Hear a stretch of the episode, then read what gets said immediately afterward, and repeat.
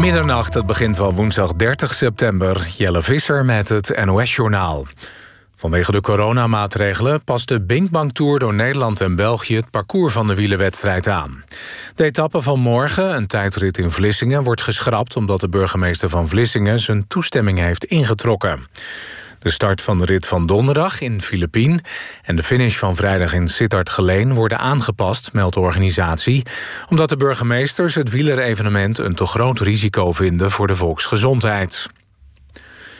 Vakbond FNV is bang dat veel horecamedewerkers hun baan verliezen door de nieuwe coronamaatregelen. Volgens de bond zijn vooral flexwerkers nu de dupe, omdat zij met name in de avonturen en de weekenden werken.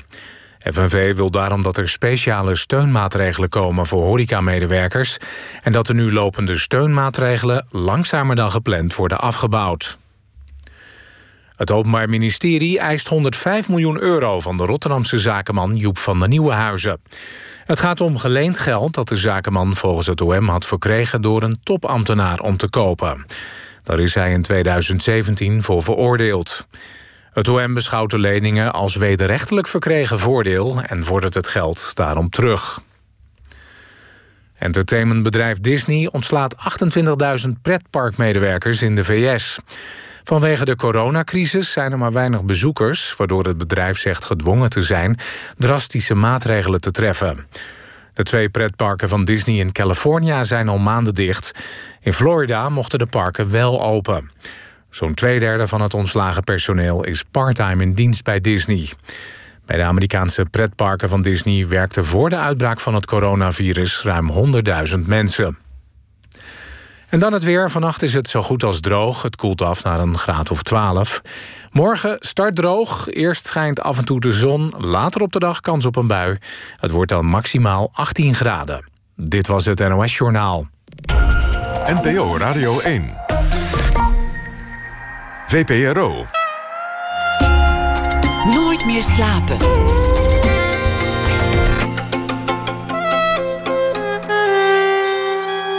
Met Pieter van der Wielen. Goedenacht en welkom bij Nooit meer slapen. Ze was nooit zwanger, ze heeft niet gebaard en toch is ze moeder. En hij deelde nooit het bed met een van de vrouwen, woont alleen en toch is hij de vader. En ze kennen elkaar ook niet eens echt heel goed. Nou ja, je kan je wel iets voorstellen bij zo'n casus. En Minou Boussois is hier. Zij maakte samen met Ilko Smits een voorstelling, Niet de Vaders. En dat gaat over vaderschap, moederschap en over hetgeen de twee met elkaar delen, behalve het podium, een kind. Over opgroeien gaat het ook en over uh, kinderschap, als dat een woord is. Minou Bossois. Ze maakte eerder een voorstelling over haar moeder. Het zal uiteindelijk een uh, drieluik worden. En dat deed ze met medewerking van haar bejaarde moeder zelf. Hoewel bejaard, is ook zo'n woord. Een Amerikaanse presidentskandidaat is ongeveer even oud tegenwoordig. Minou uh, maakte deel uit van het uh, roemruchte duo De Bloeiende Maagden. Dat deed ze samen met Ingrid Wender. Maar ze is nu uh, solo en maakt voorstellingen onder de naam Minoux. Geboren in 1969. Welkom. Hallo, goedenavond. Wat leuk dat je, dat je bent gekomen. Ja, zeker. Wat was eigenlijk een, een, een moeilijker voor, voorstel om te doen? Laten we hier een voorstelling over maken of of het hele traject naar het, naar het ouderschap? Uh, het hele traject naar ouderschap. Dat heeft Dat- wel wat dat- meer voeten in de aarde gehad, ja. En daar zit je ook langer aan vast natuurlijk Dat- uiteindelijk. zeker, ja. Dat heeft ook nog wel wat consequenties. Hoe, hoe is dat gegaan? Ik, ik weet dat dit misschien een beetje een grote vraag is. Want zo'n traject duurt misschien wel een heel leven. Maar hoe is, hoe is het zo gekomen? Het kind? Ja, en jullie, jullie ouderschap en het donorschap en de, de constructie en het samen opvoeden en, en nou ja, gewoon, gewoon alles. Waar, waar begint het? Waar begin, nou, het, begint, ehm, bij, het begint eigenlijk bij, geen, bij een kinderwens van mijn vriendin. Daar begint het. En Nadrukkelijk haar kinderwens, niet de jouwe. nee, ik had geen kinderwens. Nee. En ehm, Had je geen kinderwens of had je een, een nadrukkelijke wens om geen kind te krijgen? Als je begrijpt wat, wat het nuanceverschil is. je bedoelt qua baren of qua... Nou ja, gewoon van, ik, gewoon, ik heb het niet zo van, ach niet. Of, of misschien Nee, zelfs nee, nee. een nadrukkelijke wens van, oh nee, dat niet. Nee, nee ik, ik, heb leven, ik heb last van levenswantrouwen. En dat, eh, dat leek mij heel moeilijk te combineren met het eh, krijgen van een kind. Wat die symbool staat voor leven. Wat is, wat is levenswantrouwen? Dat is een goede vraag, ja. eh, levenswantrouwen. Ik, ik, ik, ben niet, ehm, ik, ik, ik ben niet iemand die lekker lui achterover ligt en eh, ehm, het leven viert uh, ieder moment van de dag. Ik, ik, heb, ik, ik zit bordevol angsten en twijfels. En, of twijfels niet, nee, ik zit bordevol angsten eigenlijk. Zo kan je dat zeggen. En ja, dat, ja, wanneer gebeurde ja, in mijn geval gebeurde dat toen mijn vader, denk ik, overleed. Misschien nog wel eerder, maar die overleed toen ik negen was. En ja, dan ben je gewoon op het ergste voor, je blijft op het ergste voorbereid, zeg maar. Het leven is voor jou dun ijs. Het kraakt onder je voeten. Je denkt misschien zak ik er elk moment doorheen. Wie zegt dat ik nog een stap kan zetten? Ja, maar dat ziet eruit als, als heel. Uh, van dat tikken we even af met z'n allen, zeg maar. Dus dat heeft een, een buitenkant die, die, die is niet. Want dit klinkt heel teer, zeg maar.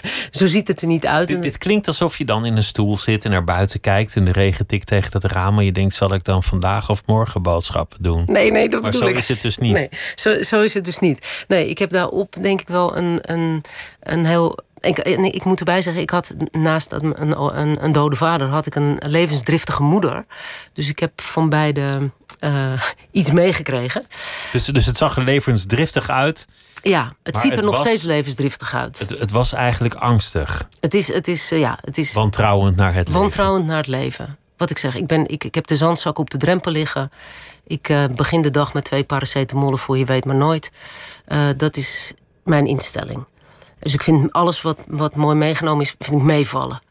Nou, dan is een, is een kind, zeg maar, is dat je denkt, ja, dat, hoe ga ik dat combineren? Want dat is het aangaan van verantwoordelijkheden.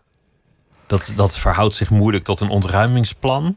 Dan moet je dat kind ook weer ontruimen met, met een fles en een wieg en een, en een rammelaar. Ja, dat. En, je, en een, een kind is, is leven. Wij zijn, ik, ik heb met eigen ogen gezien, wij zijn bij geboorte uh, één vat vol potentie. Dat is prachtig om te zien. Dat wil maar één ding en dat is groeien. En dat voel ik natuurlijk daar, dat is heel confronterend om te zien, want dat voel ik natuurlijk in mezelf ook. En ik zie dat in mijn. Ik heb geen sombere kijk op de mensheid, helemaal niet. Maar dat is ja, moeilijk te combineren met die angst. Je wil het leven aan, maar je weet dat het leven eigenlijk verraderlijk is. Het kan je zomaar verlaten of het kan je geliefde verlaten. Ja. En, en die levensdriftige moeder had het ook te maken met die dode vader? Nee, is die, zij, is zij levensdriftiger geworden na de dood van je vader? Nee, die moeder die had, eh, die is al levensdriftig vanaf haar uh, allerprilste jeugd. Dat zat er gewoon in? Dat zat erin, denk ik. Uh, ik heb natuurlijk in de voorstelling die ik met mijn moeder heb gemaakt... ben ik daar ook naar teruggegaan, naar dat gebied bij haar. zij is op haar zevende verlaten door haar moeder. Niet door dood, maar dat is een mysterie waarom uh, die vrouw is weggegaan. En ik denk wel dat zij daar, uh, zij heeft daar het leven, zij heeft zich niet in een hoekje laten zetten. Dus zij is dat aangegaan. En haar strategie was: uh, ik ga het me niet laten ontnemen. En dat is eigenlijk al, ja, ik denk dat dat gewoon van jongs af aan zo geoefend is. Dat dat is doorgegaan. Ook het, ja, het overlijden van mijn vader. Zij is doorgegaan. Ze had drie kinderen in hele uh, diverse leeftijden. Een voorwaartse levenshouding. Ja. ja. En hoe combineerde dat voor jou? Een dode vader, wantrouwen naar het leven en dan een levensdriftige moeder die, die voorwaarts geprogrammeerd was. Ja. Um, dat is. Dat, dat was denk ik als kind heb ik dat niet als, uh, als onprettig ervaren. Helemaal niet. Alleen nu met terugwerkende kracht denk je. Um, ja, hoeveel tijd was er eigenlijk om echt te rouwen? In de zin van bij elkaar te zitten aan de tafel en het niet te weten met elkaar. Hè? Het, het gewoon dat het even in mag storten. Misschien dat het momenten geweest is hoor, maar ik heb het zelf niet, uh, niet zo ervaren. Dus er was meteen vanaf het allereerste moment stond iedereen in de voorwaartse kracht vooruit. En ja, met terugwerkende kracht ben ik nu in ieder geval, als ik naar mijn zoontje kijk of zo, denk ik: oh ja, hoe bouw je ruimte in voor verdriet en voor de, ja, voor de, voor de trage zaken van het leven, voor de pijn, voor de, waar je op moet kouwen. Dat.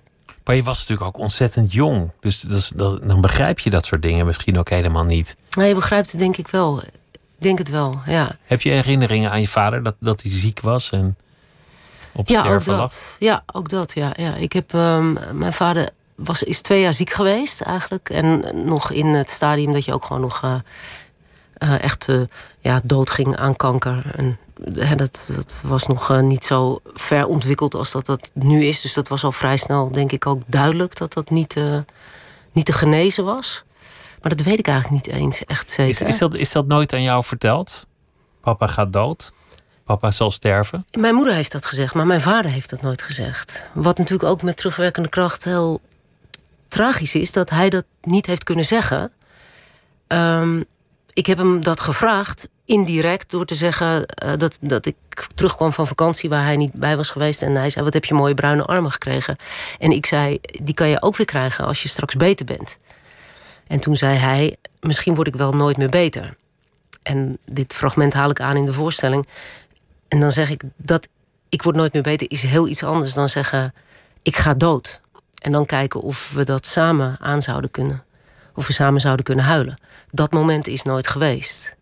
Dus je hebt eigenlijk nooit de kans gekregen om afscheid te nemen, rouw te hebben, verdriet te voelen? Ja, dat vind ik zo moeilijk om te zeggen, omdat ik denk, mijn moeder was op een bepaalde manier daar faciliterend in. Maar je voelt als kind ook zeker omdat ik dat voorbeeld niet van mijn vader heb gekregen. Je voelt ook dat je denkt: ik ben hier, ik moet hier iets meer in begeleid worden. Of ik sprak niet de taal misschien van hoe het ging bij ons thuis. Of dat je, ja, je voelt ergens ook van, hm, ik weet niet of dit de plek wel is om daar ruimte voor in te nemen. Terwijl dat wil niet zeggen dat hij misschien niet gegeven is. Ik heb hem niet genomen en hem niet durven nemen. Dat betekent eigenlijk dat je al die jaren je leven hebt geleefd op een, op een leuke, vrolijke manier. Maar toch het leven niet helemaal aan durfde te gaan. Alsof je een soort reserve hield, een soort wantrouwen van nou, we kijken wel even, ik weet niet hoe dit loopt en ik ben er wel, maar ik ben er ook niet. Dat, dat je eigenlijk om allerlei gevaren heen aan het programmeren was. Mm, nee. Ik denk dat ik uh, mijn tanden op elkaar heb gezet. En uh, mezelf een vrij ja, uh, stoer, joie de vivre-achtige uiterlijk heb gegeven. En wat overigens erg goed werkt ook. Hè. Dat werkt, kan nog steeds, ik kan ik inzetten, werkt nog steeds heel goed. En dat ik mij zo, zeker zo tot mijn 25ste, door het leven heb gezwierd. En dan komen we op het punt dat je een, een vriendin tegenkomt die wel een kinderwens heeft en jij hebt die niet. Ja. En, en hoe, kom je hoe eerst op het dan? punt dat je, dat je heel veel vriendinnen hebt, zeg maar. Heel veel relaties. Heel veel relaties hebt. En dan uiteindelijk kom je iemand tegen die, met wie dat iets verder gaat dan eh, alleen eh, eh, het, het samen zijn. En, en die had een hele duidelijke kinderwens. En dat snapte ik heel goed bij, bij haar. Die, die, is, ja, die is gemaakt om.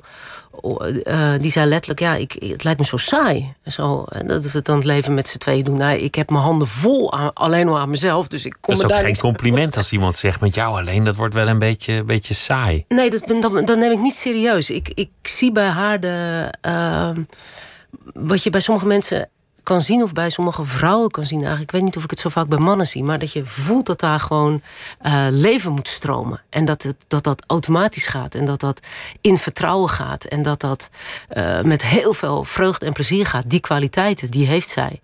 En ik, eh, en ik niet op die manier. Dus ja, dan, dan kan je ook naar kijken en denken: ja, dit kan ik iemand niet onthouden. Je voelde gewoon van dit, dit hoort zo. En het zou gewoon niet wijs zijn om, om dat niet aan te gaan. Dit hoort in ieder geval bij haar. En ik vind dat zij dat moet kunnen doen. En dan zou de consequentie zijn als ik dat niet wil, dat onze relatie over is. En ik wilde haar niet kwijt. Nou, en dan, en dan kom je dus in de constructie waar we over begonnen.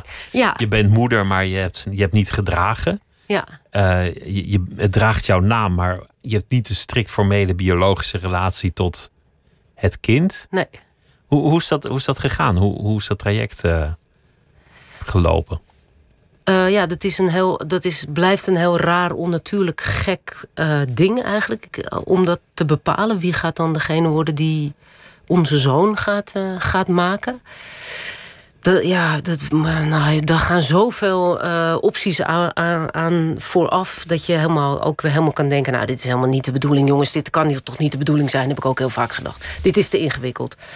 En ik denk dat mijn vriendin al langer um, met Elko uh, in haar hoofd zat.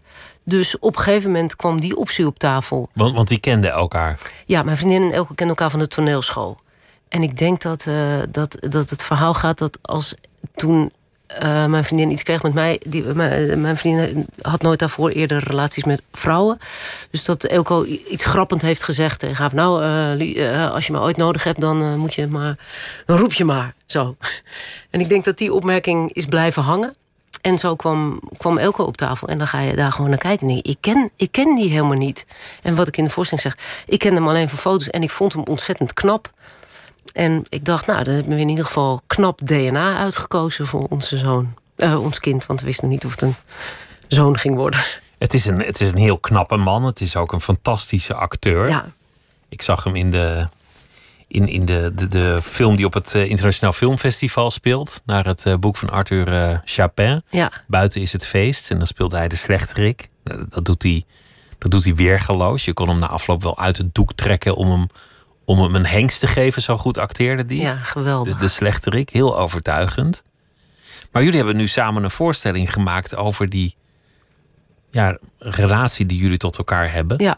Ken, kenden jullie elkaar inmiddels wel goed?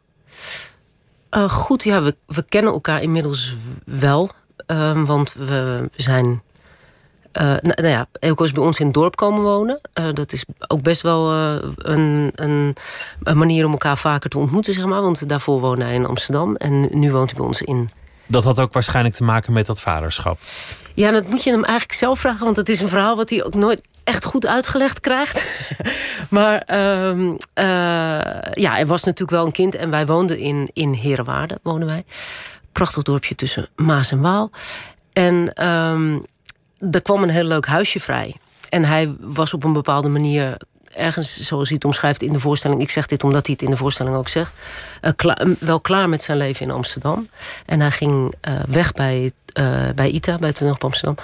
Dus hij brak wel een andere fase uit. En ja, als wij daar niet hadden gewoond... had hij nooit dat, in dat, dat huisje gaan wonen. Maar hoe het echt zit, moet je aan hem vragen. Nou ja, gewoon zoals het leven eigenlijk gaat. Iets komt op je pad. Ja, zo rationeel is het vaak helemaal niet. Ja, nee. En, en het hoeft ook niet allemaal te kloppen. Nee.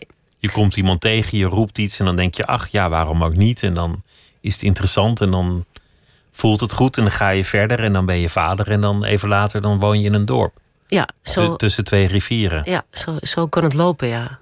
Dat is ook wel mooi, toch? Vind ik ook mooi. Speelt hij ook een rol in, in de opvoeding?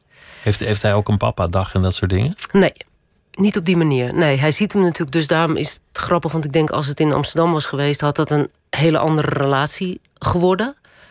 Uh, tussen hem en, uh, en onze zoon. Maar nu hij natuurlijk dichterbij woont, ja, uh, onze zoon is nu zes. Dus hij kan in principe nu naar hem toe lopen. Hij kan de achterdeur binnenstappen. Maar er is geen afspraak. En hij, hij heeft in, binnen in de donorovereenkomst ook afstand gedaan van al zijn rechten. En Zelfs als de wet hem rechten zou geven, dan zal hij daar afstand van doen. Zo, ja, zo strak is het contract. Zo strak is het contract, ja. En dan komt hij toch in het dorp wonen. Ja. Ja, ja, ja, ja, ja je, moet, je moet mij er niet op aankijken. Nee, doe ik ook, doe ik ook helemaal niet. Heeft het je veel gebracht? Is, is je leven veranderd? Het krijgen van een kind? Ja. Het ouderschap. Ja, het heeft, um, het heeft, me, het heeft me enorm aan het denken gezet over heel veel zaken. Met name ook over hoe wij uh, uh, het gezin inrichten en wat er zo al gevraagd wordt van ons als ouders, als opvoeders. En um, hoe ver dat. Hoe, hoe, ja, hoe, je, hoe, je, hoe ongelooflijk vast je zit in de patronen die je meekrijgt van je jeugd. Althans, zo ervaar ik het. En zo zie ik het toch ook wel enigszins om mij heen.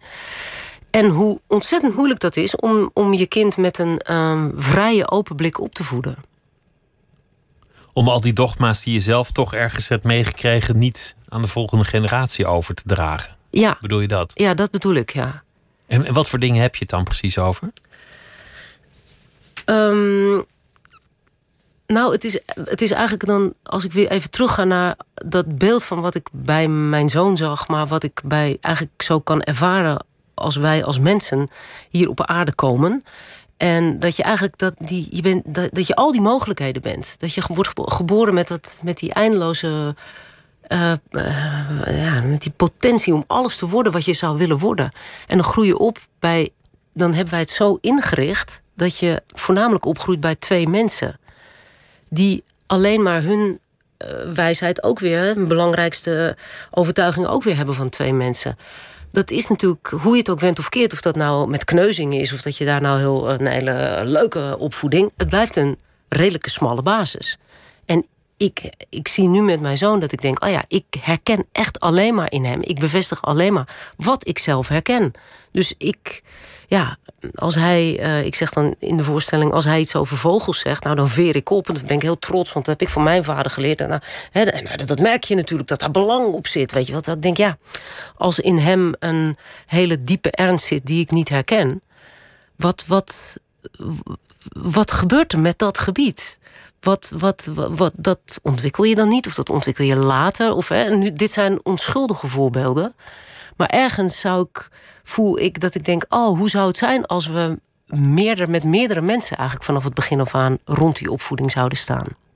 Er zullen toch in de, in de menselijke historie ontzettend veel stammen zijn geweest, of gemeenschappen of culturen. Zeker. Waar gewoon het hele dorp gezamenlijk de kinderen opvoedt. Of dat alle mannen de kinderen opvoeden terwijl de vrouwen gaan jagen, of andersom. andersom ja.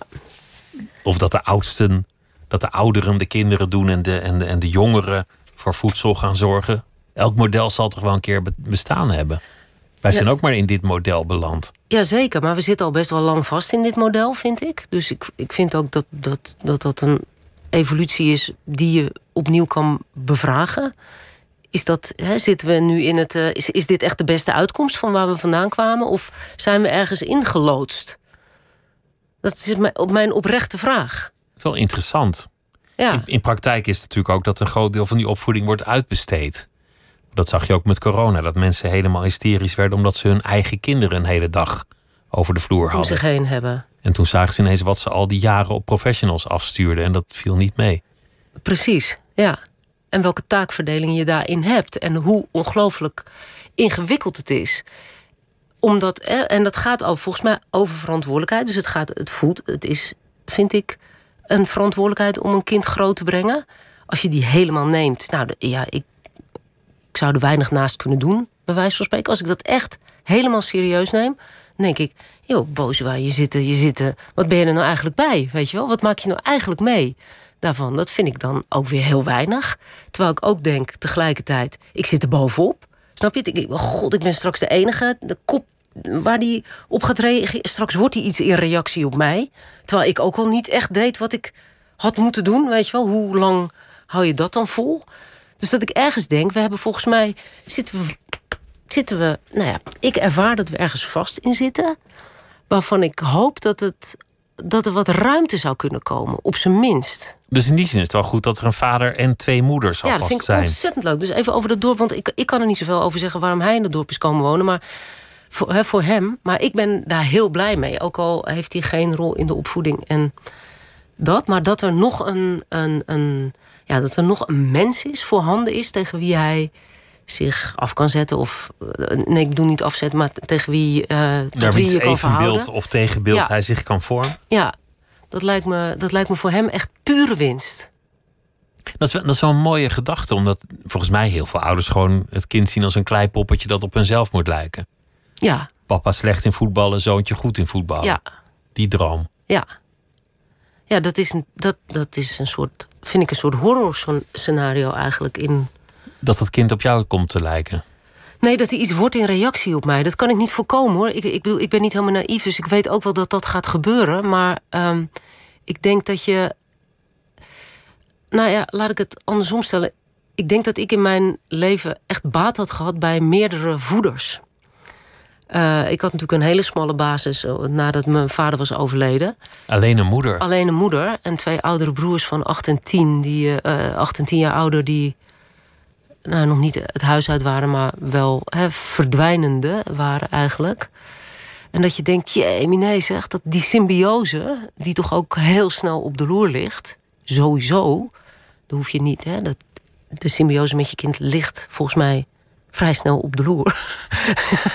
Omdat het je veilige haven is. Uh, dat is. Dat is nogal iets. Om, daar doe ik in ieder geval. Ik doe daar. En ik doe dat uh, blij, nou ja, blijmoedig. Ik doe dat soms blijmoedig en soms uh, wat, wat, wat, wat, wat tobberiger. Maar dat doe ik een leven lang over om daar een beetje los van te komen. Veel kinderen die, die verzetten zich daar intuïtief tegen middels de fantasie. En die denken dan als Pippi Langkous... ja, maar mijn, mijn echte vader die is koning in een ver, ver land. En die komt op een dag met een schip mij halen... want ik ben eigenlijk een prinses. En dit, dit rijtjeshuis waar ik nu ben... ja, dat is allemaal één groot misverstand. Ja. Of, of soortgelijke fantasieën. Ja. Dus die verlangen eigenlijk naar een andere bron... of een andere weg of een andere invloedssfeer. Ja, het is heel terecht. Ja. Had jij dat ook toen je klein was? Um, ja, deels wel, denk ik. Ja, ik was, ik, ik, um, ik was niet zo thuis in, een, in mijn. Uh, uh, ik werd geboren als meisje. Ik ben een meisje nog steeds, ik ben een vrouw. Maar um, ik herkende mezelf daar niet in. Dus, en ik, maar ik wist ook dat ik niet een jongetje wilde zijn. Maar dan ben je een beetje in een soort. Dan bevind je, je, je voelde je geen meisje? Ik voelde me geen meisje, nee, helemaal niet. Nee, en ik, en ik had, vrij, ik had twee broers die acht en tien jaar ouder waren. En ik wist ook heel goed dat ik geen jongen wilde zijn. Niet, ten, mm, ja, niet helemaal ten nadele van hun, maar dat je denkt: oh ja, dat, is, dat ben ik ook niet. Dat ben ik gewoon niet. Maar ik zat ergens tussen en ik had daar geen voorbeeld in. En ik had uh, uiteindelijk, mm, ja, hoe de dingen gaan, uh, zag ik ergens, kreeg ik een kaart van mijn oma opgestuurd van een Indiaan. Hele mooie oude Indiaan. En toen dacht ik: dat ben ik. En toen had ik, uh, ben ik toch echt... Een, een Indiaan? Ja, een Indiaan, ja. Dus ik heb, ik heb mezelf die... Ik, ik denk dat ik, dat, dat was mijn, ja, mijn... En mijn overleving en mijn vlucht uit de werkelijkheid. Maar ook wel echt een zeer vasthoudend. Ik ben tot mijn vijftiende een Indiaan geweest. Had je, had je dan ook een verentooi en, en verf op je gezicht of, of dat soort dingen? Of hoorden daar rituelen bij? Ik had twee vlechten en ik had een haarband van mijn moeder. En die had ik dus inderdaad zo horizon... Hoe noem je dat? Gewoon zo als een Indiaan over, over mijn hoofd vanaf de kleuterschool. En op een gegeven moment mocht dat niet meer op de basisschool. Ik weet niet waarom, mijn hoofddeksels mochten niet, denk ik, of zo. Dat, die moest toen af. Dat was heel erg, vond ik heel erg, want dat was mijn hele identiteit. En ik weet ook nog na dat mijn vader was overleden, mocht het opeens weer wel. Toen, dacht toen was je zielig. Ja, toen was ik zielig. Toen was ik zakken maar in. Nou, dan ben ik het niet Laat dan maar zitten. Ja, laat dan maar zitten. Maar, maar de, je, je, treedt wel eens op onder de naam Minoux. Ja. Dat, dat lijkt een beetje op ja. Ja, dat is de, de, geuze, de geuze naam. Dus, dus dat zit er ergens nog steeds wel. Dat, dat, dat blijft dan toch bij je. Ja, dat is wel. Ik ben van binnen. Is dat een identiteit die mij enorm heeft geholpen? Die, die vluchtroute, het was natuurlijk een vluchtroute, maar het heeft me wel. Maar gewoon een, een fantasie-identiteit. Je had ook piraat of zeerover of, of weet ik veel kunnen zijn. Nou ja, een Indiaan hangt wat dat betreft wel echt tussen de seksen in. Dus dat was het. Snap je? Die was een man met vlechten of een vrouw met vlechten. En make-up als je het zo wil zien? Ja, dat, nou zover ben ik nooit gekomen. Nee, ja, nee, ook niet. Nee.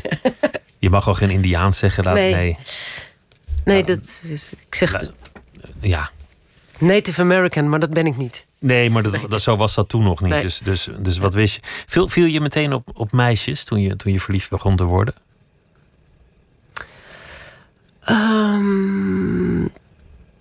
De, dat denk ik wel eigenlijk. Ja, als, als, uh, als kleintje al wel, denk ik. En toen we als puber weer een tijdje niet. Maar dat weet ik ook niet zo goed of dat dan aangepast gedrag is of niet. Maar ja, je zou kunnen zeggen. Maar ja, ik, ik kon het moeilijk duiden, omdat ik dus dacht, ik wist van mezelf dat ik niet een. Ja, ik voelde mezelf geen meisje. Dus ik uh, snap je? dus het was je, je zweefde ergens tussenin. Ja, ik zweefde ergens tussenin. Dus ik was, als jongetje werd ik dan verliefd op meisjes, zeg maar. Je moet het ook inderdaad allemaal maar zelf uitvinden. Ja. In die zin. Wie, wie heeft je daarbij geholpen? Wel, welke voorbeelden vond je daarin? Pas veel later. Pas echt veel en veel later. Ik denk zo vanaf, vanaf de toneelschool of zo. Ergens daar. Dus dat, nee, dat, dat, was, dat was aanmodderen. Want je groeide op in IJmuiden, toch? Ja. En, en, en wat voor omgeving was dat voor jou toen, IJmuiden? Wat, wat, wat vond je daar? Dat is toch ook een beetje rouwdouwersparadijs, toch? Ja, zeker. Ja, het is een enorm rouwdouwersparadijs. Ja, dat was... ehm, eh, als ik, de, ik, ik, heb, ik heb tot mijn achttiende gedacht dat IJmuiden het centrum van de wereld was. Dus zo spraken wij er ook over. Het is geen, Vind ik ook wel een leuke gedachte trouwens. geen plek beter dan IJmuiden. Dat, dat het wereld een centrum heeft, vind ik al een fijne gedachte. Of, of waarom niet het universum? En dat het dan van alle Van plekken alles IJmuiden was. gewoon aan meiden zou zijn. Ja. Waarom niet? Ja. Maar vrij, ja, vrij strak in de leer. Hè? Dus alles wat eh, uit. Nee, wij, mijn broer zei altijd van. eh, als wij in de muiden de sluis openzetten, dan loopt heel Amsterdam onder water. Zo van. eh, wij hebben, het We, het hebben de macht hier. Wij hebben de macht hier.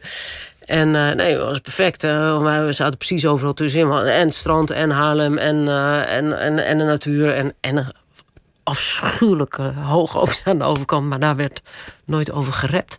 Dat vond ik altijd al... eh, maar dat was dan ook intrigerend. Het was mooi. Dat was, dat was industrie. Dat was, ja, dat was gaaf. Zo. Stoer. Stoer, ja, echt stoer. Maar ja, dus ik heb daar als kind ben ik daar gewoon in. Ja, dan ga je al, je gaat daarin mee. En pas eh, jaren later denk je, poeh, zeg, dat was eh, hard werken. Al die jaren. Om je hoofd boven water te houden in al dat eh, geweld. Ja, om je hoofd boven water te houden. En ook om, want ik ging van IJmuiden dus naar Eindhoven studeren. En dat, nou ja, meest grote overgang voor mij was, was, was niet denkbaar.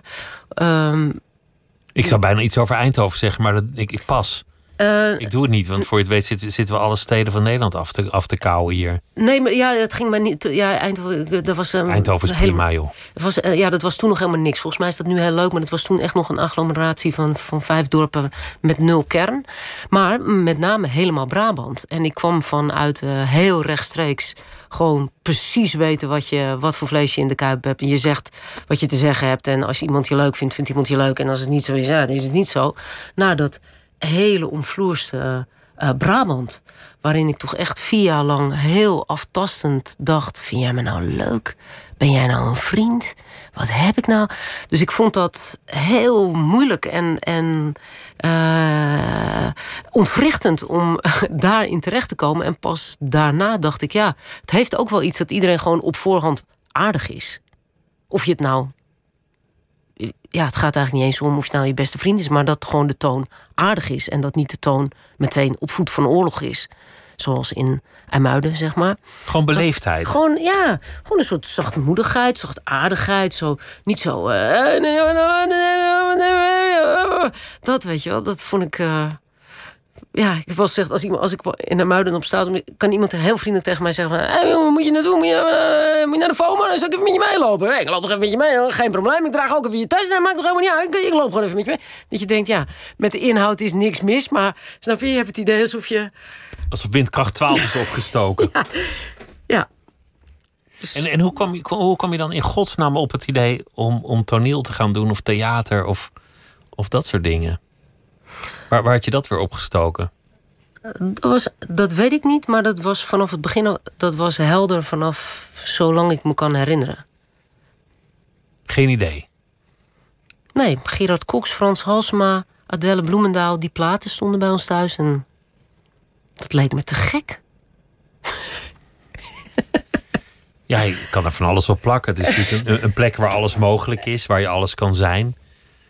Waar je elke Ja, dat was allemaal, niet zo, aannemen. was allemaal niet zo bewust, denk ik. Het was gewoon een. eh, het was, ik, mijn ouders waren wel. Mijn, mijn vader heeft heel veel toneel gespeeld voor de, voor de hobby. ehm, waren heel sociaal, sociale mensen. Eh, mijn moeder heeft dansacademie gedaan en heeft altijd les gegeven. Dus het is wel iets wat bij ons thuis er was, maar ook niet over, overmatig. Maar het was er en het was zeker iets wat gewaardeerd werd.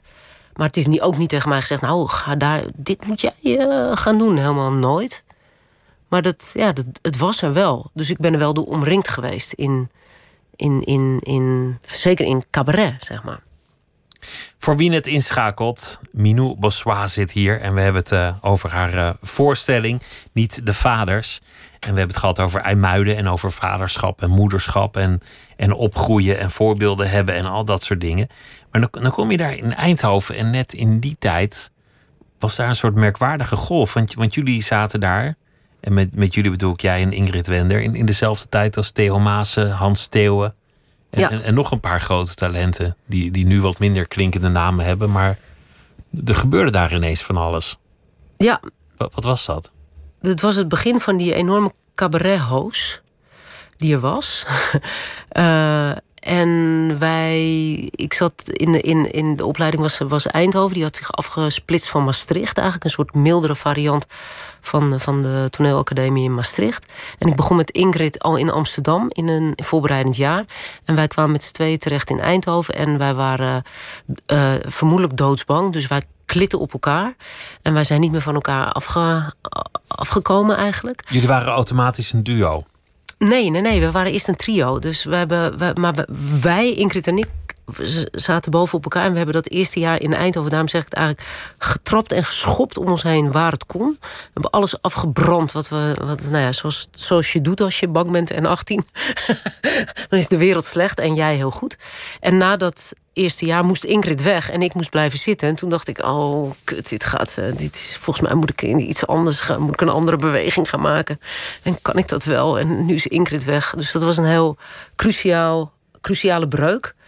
En toen is Ingrid gaan studeren in Arnhem uiteindelijk. En ik heb Eindhoven met horten en stoten afgemaakt. En in het laatste jaar van onze opleiding moesten wij stage gaan lopen bij een, een toneelgezelschap. Maar ja, ik was die, nog steeds een beetje die Indiaan. Dus ik zag mezelf nog nergens een Blanche Dubois spelen, zeg maar.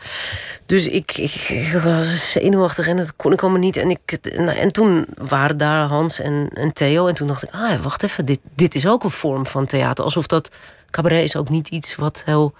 eh, dan kom je met, op een toneelschool kom je niet zo snel, word je cabaretier, zeg maar. En zij deden dat. En zij eh, wonnen die festivals en dat ging allemaal, dat zag er heel rooskleurig uit. Dus toen hebben wij met Annemoon Langenhoff, toen die zat mij in de klas, met z'n drieën bedacht, nou weet je wat, dat gaan wij ook doen. En toen hebben we een programma in elkaar getimmerd. En het is toen door Pieter Bouwman nog het eerste half uur eh, eh, geregisseerd. En toen deden we mee aan kameretten. Nou, meteen, meteen in goede kringen.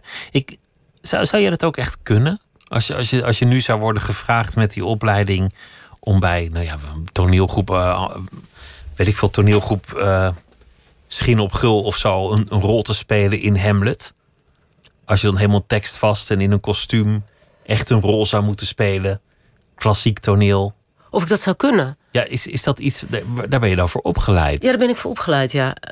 Eh, ik, ik denk wel...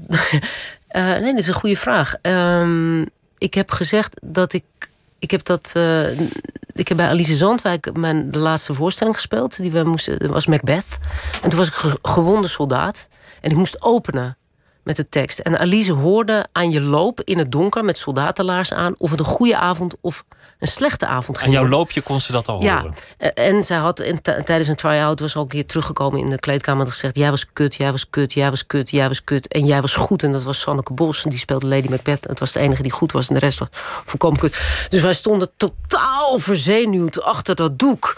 En ik moest openen met die eerste loop waarvan ik wist: Nou, dit wordt hem of dit wordt hem niet. En ik hyperventilerend. Ik heb daarna gezworen dat ik nooit meer ergens in zou staan als ik niet kon zeggen: Ik moet even, jongens, sorry, ik moet even pissen, ik ben zo weer terug. Dus die situatie heb ik altijd voor mezelf gecreëerd. Dat ik dat in ieder geval kan zeggen in welk stuk ik ook speel. Dus als dat, het een Hamlet grappig, is. Want, dan, want, want als je dan in Hamlet zou zeggen... Ja, ik, moet- ik, moet echt even, ik moet echt even pissen. Ik ben zo terug. Dan, dan, dan is dat hele... Je moet iemand vermoorden en daar, daar bouwen ze dat hele stuk Ja. op. Of als jij zegt, nou weet je wat, ik laat je leven. Ach joh, je, jij loopt hè, Deze al die avond. moorden. Altijd Ja. maar moorden. We doen het gewoon een keer niet.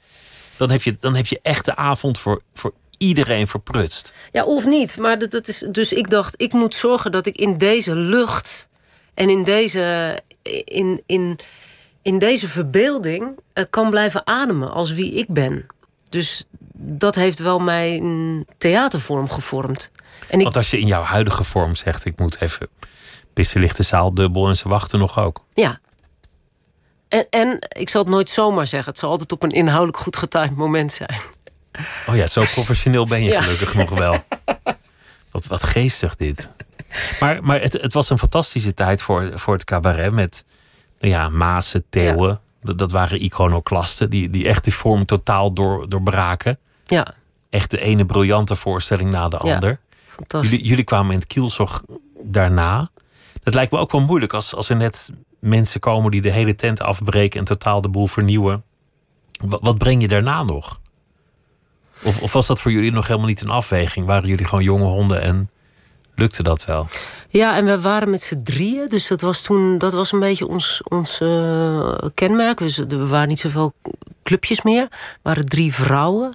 En we hebben, no we hebben altijd. We hebben in die zin nooit cabaret-cabaret gemaakt. Dus we, hebben, we waren ook binnen het cabaret. Zoals Joost Nuisel ooit zei, een eigen opgespoten eilandje eh, tussen de disciplines.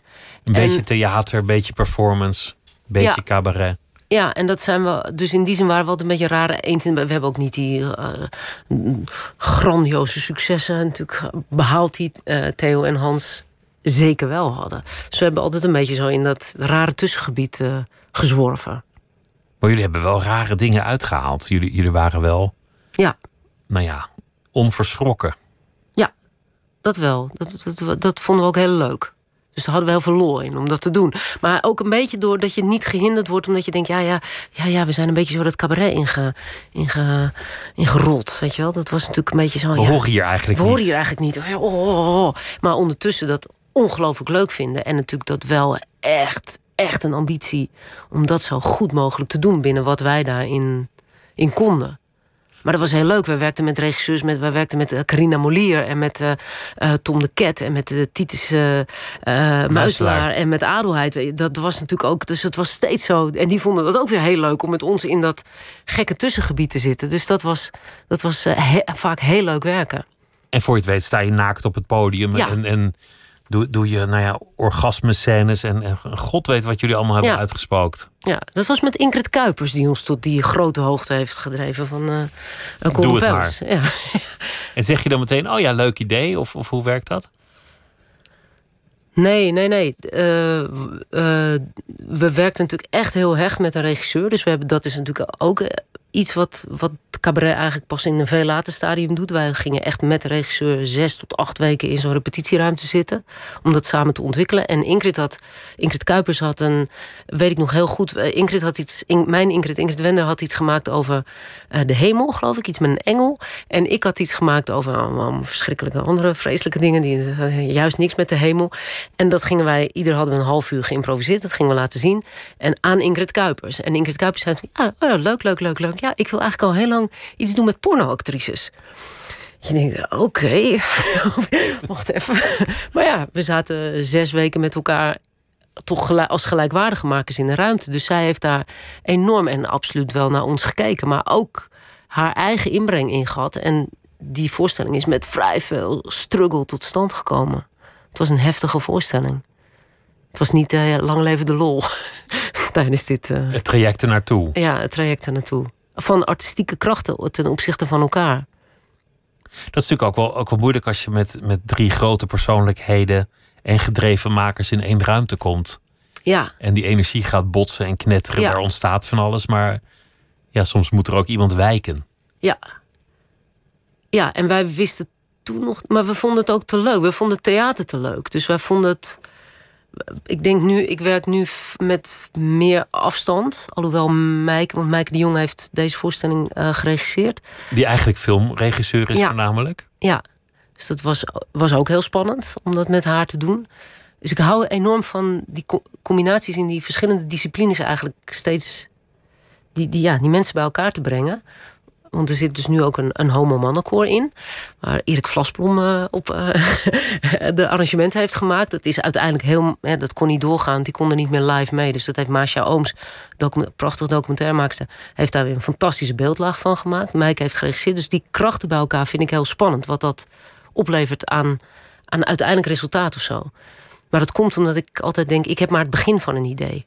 Dus ik weet dat het noodzakelijk is om dat in een tiktak te laten ontstaan. Dus ondanks dat je nu solo bent, Ja. ben je eigenlijk niet solo. Je, zoekt, je zoekt altijd de samenwerking, want dat, dat levert meer op voor jou. Ja, ik heb nooit, nooit, nooit de ambitie gehad. Het lijkt me de hel om solo te gaan. Maar als duo, dat ging ook niet meer. Je dacht, ik, ik wil toch een, een andere weg, of jullie dachten dat. Als duo, ja, als duo waren wij uh, ook echt aan elkaar. We, eigenlijk artistiek vergroeid met elkaar, zou je kunnen zeggen. En we zaten in een bepaalde dynamiek, zoals je met een relatie hebt. En die dynamiek was ook op een gegeven moment heel uh, beladen. Voor, ook voor het maken van de voorstelling. Er kwamen prachtige voorstellingen uit, maar als mens leefden wij niet echt meer uh, daarnaast. Dus dat liep door. Dan moet je, dan moet je verder. Dan moet je verder, ja. Dan moet je... Je, je hebt op een zeker ogenblik je, je moeder voor het, voor het eerste deel van het drieluik, en dit is dan het tweede. Ja. Je moeder benaderd en gezegd: ik, ik wil een voorstelling over, over jou maken en uitzoeken waar die levensdrift van jou vandaan komt. Hoe, hoe is dat dan gegaan? Hoe heb je dan met je moeder die voorstelling gemaakt? Hoe begin je daar dan aan? Um, dat, dat begon eigenlijk in eerste instantie met het idee van het drieluik. Waarop ik dacht, ik wil dat gezin, die blauwdruk van dat gezin... daar, ga, daar is het mij volgens mij op dit moment in mijn leven om te doen. Dus ik wil dat helemaal uitpluizen. Die onverkozen woongroep, het gezin. Ja, precies, ja. En in mijn geval uh, ja, dacht ik, oké, dat zijn moeder, vader, kinderen. Hè? Dus daar ga ik iets over maken, over moeder, vader en kinderen. En ik had met Masha, die een goede vriendin van mij is, um, het idee opgevat om de rituelen. Mijn moeder barst van de rituelen. Die haar, um, haar ochtendritueel. Zij heeft een anderhalf uur durend ochtendritueel. waarin zij bewegingen, de dag groet, uh, lichaam losmaakt. Uh, nou ja, dat duurt anderhalf uur, staat om zeven uur s ochtends op, of nog eerder, om dat hele patroon te doen. En dat zit ook besloten in de rest van haar dagprogramma eigenlijk. Het eten, het klaarmaken van het eten is ook een ritueel. Het inpakken van een cadeautje is ook een ritueel. Het, het barst van de rituelen. Dus ik dacht, ah, dat is leuk. Ga ik een maasje vragen, wil jij die, dat filmen, die beelden filmen? En dan ga ik daar wel een beetje op reflecteren op dat podium. Zo, dan kan ik een beetje daarover zeggen. En toen zei Maasja... Uh, ja, ja, dat zou kunnen. Maar denk je niet dat het sterker is als ze er gewoon zelf staat? En dan voel je in een split second... Oh nee. En oh ja, wat een goed idee. En oh nee, dat kan ik niet overzien. Want dat betekent dat je avond en avond met je oude moeder op een podium gaat staan. En alles gaat doornemen wat je nooit hebt durven zeggen. Ja. Met publiek erbij. Ja. Dat betekent dat, ja. Dus dat zie je ook. God allemachtig. Voor, voor je. Ja, en dan, ja, precies. Dus dat, dat, dat moest wel even zo'n week door de herkauwing heen voor ik dat kon toelaten, dat idee. En, wat zei je moeder toen je het uiteindelijk voorlegde? Uh, mijn moeder zei: Nou ja, als jij dat een goed idee vindt, een beetje afstandelijk zo, dan, dan moeten we dat maar doen. Dan weet je nog niks. Ja, het is een ja. dat is een, zekere ja. Nee, dat is een zekere ja. Maar zij, uh, wat ik heel grappig vind, is dat ik, dat ik echt denk oprecht. Ik dacht, nou, die zal wel heel blij zijn en het zal het wel heel erg leuk vinden.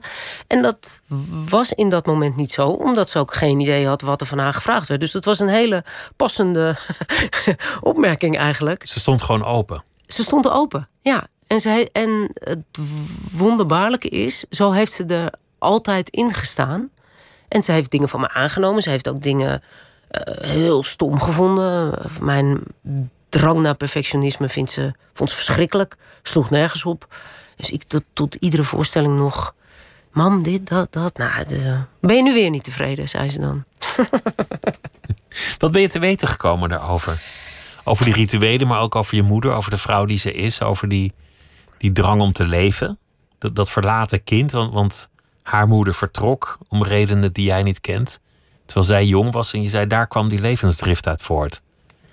En dat heeft ze op jou overgedragen in zekere zin.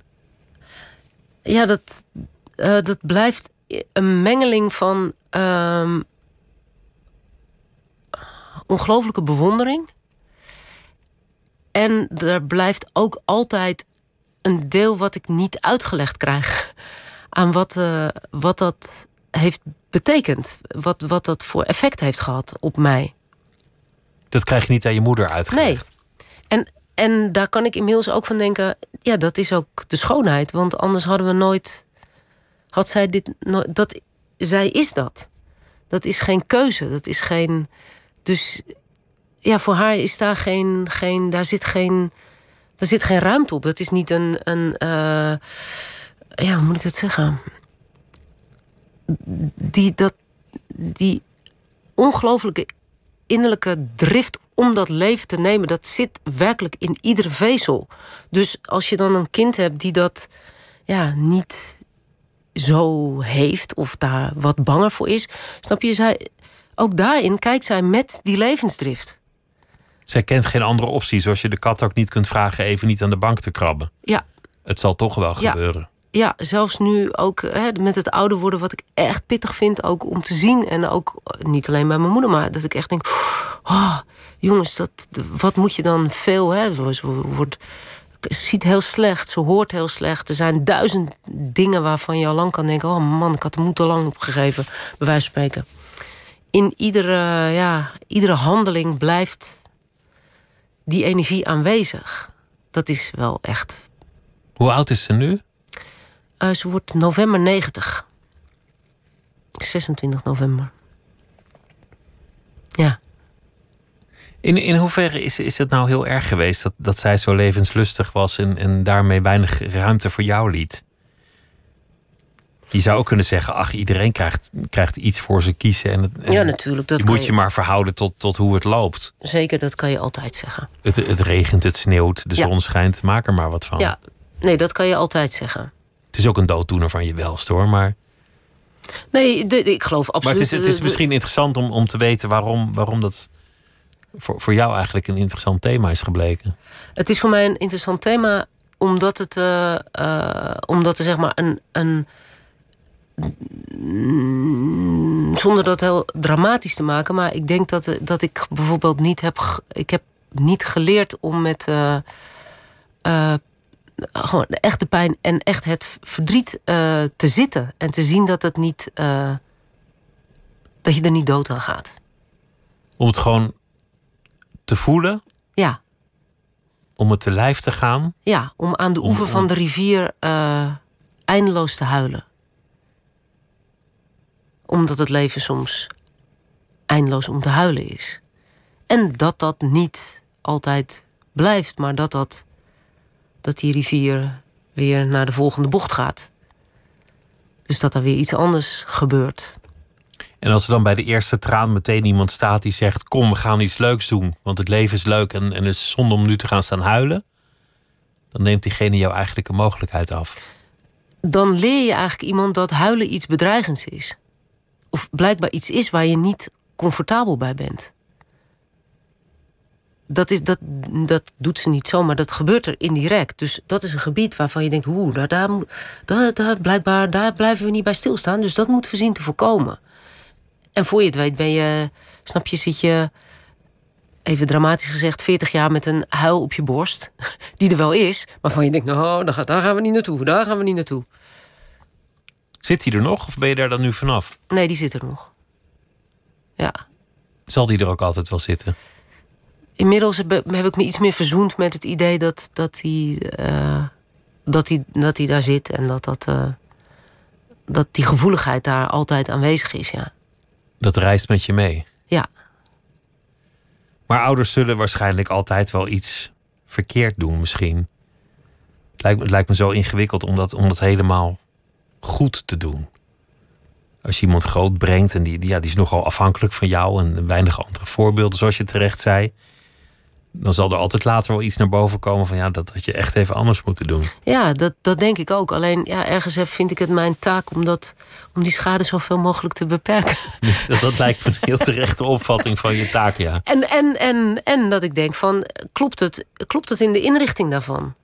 Klopt het dat dat helemaal bij mij en mijn vriendin terechtkomt? En snap je, kan dat...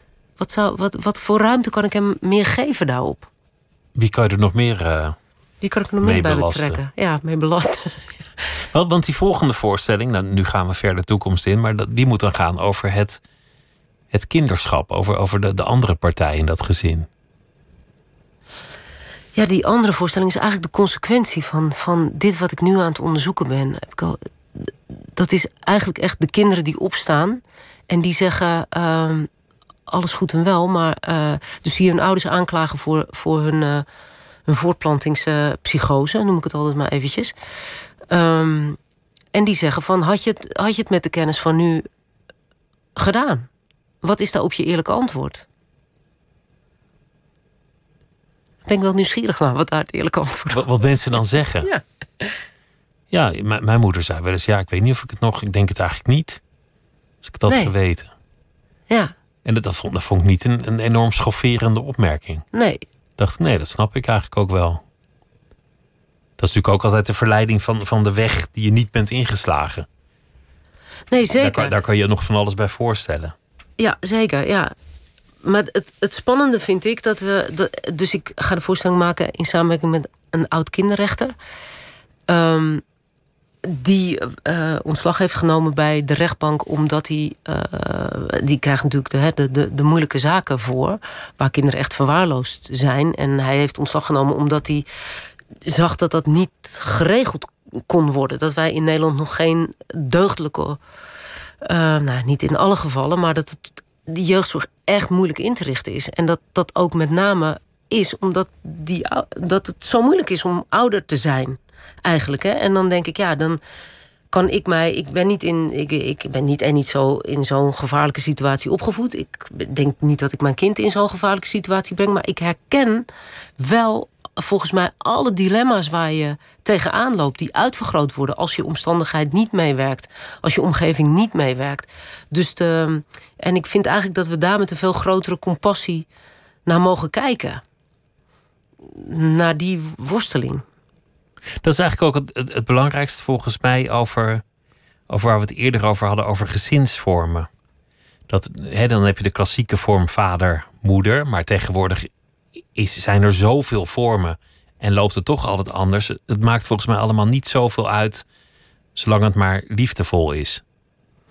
Of je het met de hele straat opvoedt, voedt, of in een, in een woongroep opvoedt, of, of, met, of alleen, of, of met z'n achten. Of, Ja, en sterker nog, ik denk, ik ben er echt van overtuigd dat ik denk, als de inbreng van mijn buurvrouw, die in, op een totaal andere manier in het leven staat, eh, eh, ik, ik ben ervan overtuigd dat die iets toevoegt, snap je? Dat dat van belang is. Dat, dat, niet, dat het niet een eenduidige eh, nauwe tunnel is waar mijn zoon in terecht komt, maar dat hij echt de, ja, de rijkdom kan ervaren van het dorp, in dit geval bijvoorbeeld, waar ik woon. De rijkdom daarvan. Ik ben benieuwd eh, wat er uit de volgende voorstelling eh, gaat komen. Wat, wat gaat er gebeuren met, met deze voorstelling? Alles is natuurlijk totaal onzeker in de cultuur en alles staat op losse schroeven. Hoe, hoe, hoe gaat dat nu verder? Ja, het zijn de, de waanzinnig spannende tijden.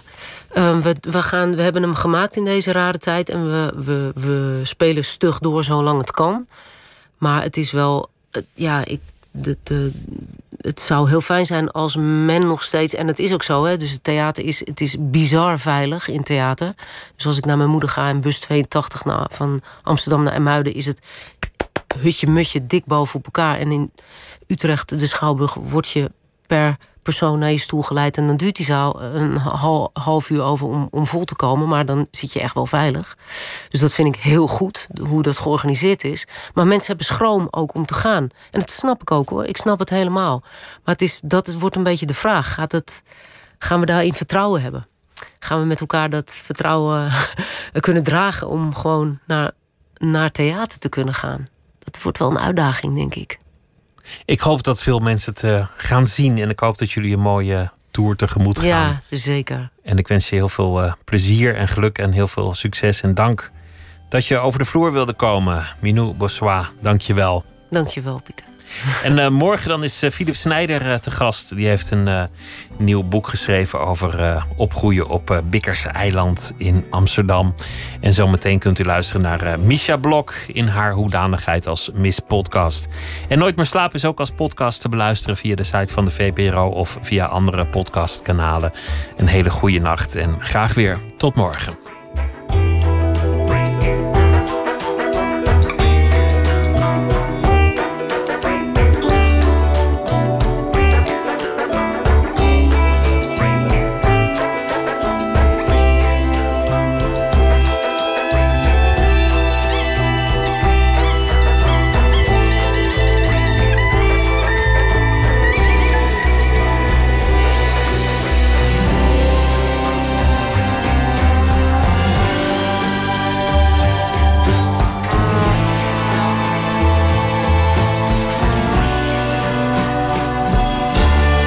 Radio 1. Het nieuws van alle kanten.